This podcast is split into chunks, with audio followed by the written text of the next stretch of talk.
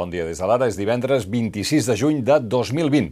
Farà molta calor avui, aquest cap de setmana, Miquel Bernis? No en farà més que els últims dies. Més aviat el termòmetre tendirà a recular lleugerament. Això ho notarem més demà que no pas avui. El sol seguirà predominant i els ruixats de tarda aniran de baixa. Avui demà n'hi haurà ben pocs. Diumenge el temps serà més insegur al terç nord de Catalunya. El Consell de Ministres d'avui aprovarà allargar els ERTO fins al 30 de setembre i ajudes pels autònoms. Mantindrà els ERTO amb una exempció de les cotitzacions a les empreses de menys de 50 treballadors amb un escalat, del 70% al juliol, del 60% a l'agost, del 35% al setembre.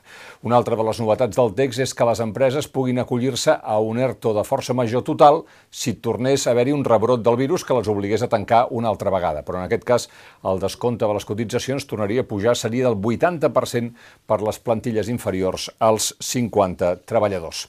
I, per cert, l'empresa haurà de pagar totes les despeses generades pel teletreball, pactar l'horari amb l'empleat i s'haurà de posar tot per escrit. Aquestes són algunes de les eh, novetats de l'avantprojecte de llei de teletreball que ha elaborat el govern espanyol i al qual ha tingut accés l'ARA. La líder de Junts per Catalunya a Madrid, Laura Borràs, serà investigada pel Tribunal Suprem per les irregularitats comptables de la seva època com a directora de l'Institució de les Lletres Catalanes. El PSOE, PP, Vox, Unides Podem i Ciutadans hi van votar a favor. El PNB va votar en contra, com Junts per Catalunya. Estos diputados, que conocen ahora ya todas las circunstancias, van a atropellar mis derechos y lo van a hacer a conciencia. Anteponer la patria a la democracia conlleva estos peajes i espero que su conciencia los resista. Esquerra i la CUP no van votar perquè eren partidaris que Borràs deixés l'escó, ja que així hauria evitat acabar davant del Tribunal Suprem i el cas hauria tornat a la justícia ordinària. Nosotros no reconocemos este procedimiento. Creemos que está viciado, que cuanto menos es tóxico e injusto. No reconocemos todo este procedimiento del suplicatorio de Laura Borrás y creemos que apretar el botón, sea por el sí, por el no o por la abstención, és legitimarlo. Participar és legitimarlo. Això no depenia ni dels independentistes ni d'algunes esquerres que també han votat, sinó que depenia del PSOE, amb qui Junts per Catalunya governa la Diputació de Barcelona, depenia de Podemos i aquesta gent ha votat que sí al suplicatori. Bildu, el BNG i Compromís tampoc van votar. Fèlix Millet és un altre dels protagonistes del dia. Va entrar a la, a la presó ahir al vespre. Va entrar a Brians 2.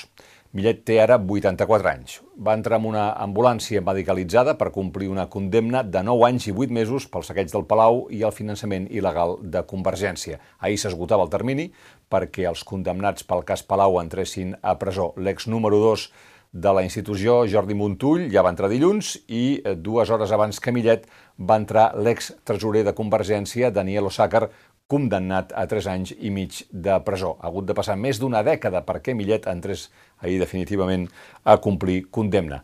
I els diputats d'Esquerra, Josep Maria Jové i Lluís eh, Salvador, han aconseguit dipositar la fiança d'1,6 milions d'euros que els va imposar el Tribunal Superior de Justícia de Catalunya. Els dos diputats han aconseguit recaptar els diners gràcies a les aportacions de la Caixa de Solidaritat. El president del PDeCAT, David Bombaí, ha convocat la Direcció Nacional per explicar la situació de les converses amb la crida, ara per ara sense acord i amb risc de trencament. Però, segons el que informa Núria Oriols, a última hora s'han implicat en la negociació els presos polítics i exiliats del PDeCAT, de manera que Jordi Turull, Josep Rull, Joaquim Forn i Lluís Puig han elaborat una proposta concreta d'ordenació de l'espai de Junts per Catalunya, alternativa a la de Bonveí i, segons fonts coneixedores, va en la línia del que defensa l'expresident Carles Puigdemont.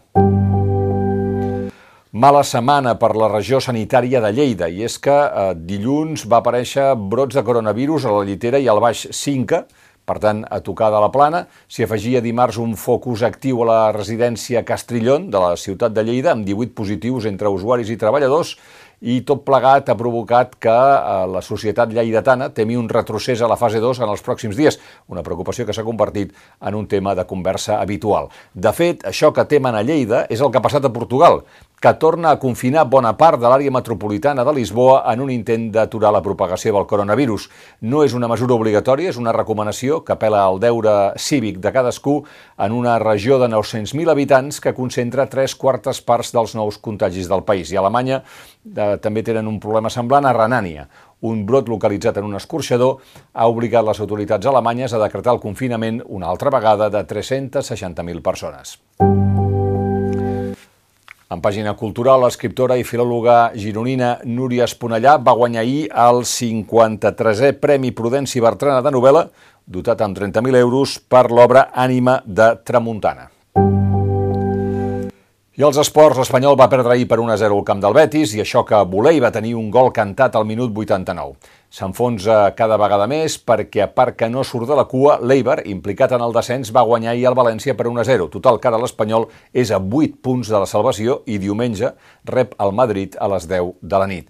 En Xavier Fina, el columnista perico del diari, ja llança la tovallola, ja diu que l'Espanyol eh, baixarà, però baixarem a segona, renovarem els carnets, seguirem anant al camp i tornarem al nostre lloc. I l'alegria dels que avui ho celebren, diu Fina, serà una de les nostres fonts d'energia per sortir-nos-en. El Barça jugarà demà a les 5 al camp del Celta i el Liverpool aquesta nit ha tornat a guanyar la Lliga Anglesa 30 anys després de l'últim cop, un llunyà 1990, tan llunyà que encara no es deia Premier League. I acabem recomanant la crítica televisiva de la Mònica Planes titulada Protegir Felip VI. Dilluns diu, eh, l'endemà que hagués esclatat la notícia del viatge de Nubis, Antonio García Ferreras no va abordar el cas al Rojo Vivo i els magazins matinals d'Anna Rosa i Susana Griso tampoc no hi van sucar pa. Acabem aquí les claus del dia, d'aquí uns minuts tornarem amb l'anàlisi de l'actualitat. Thank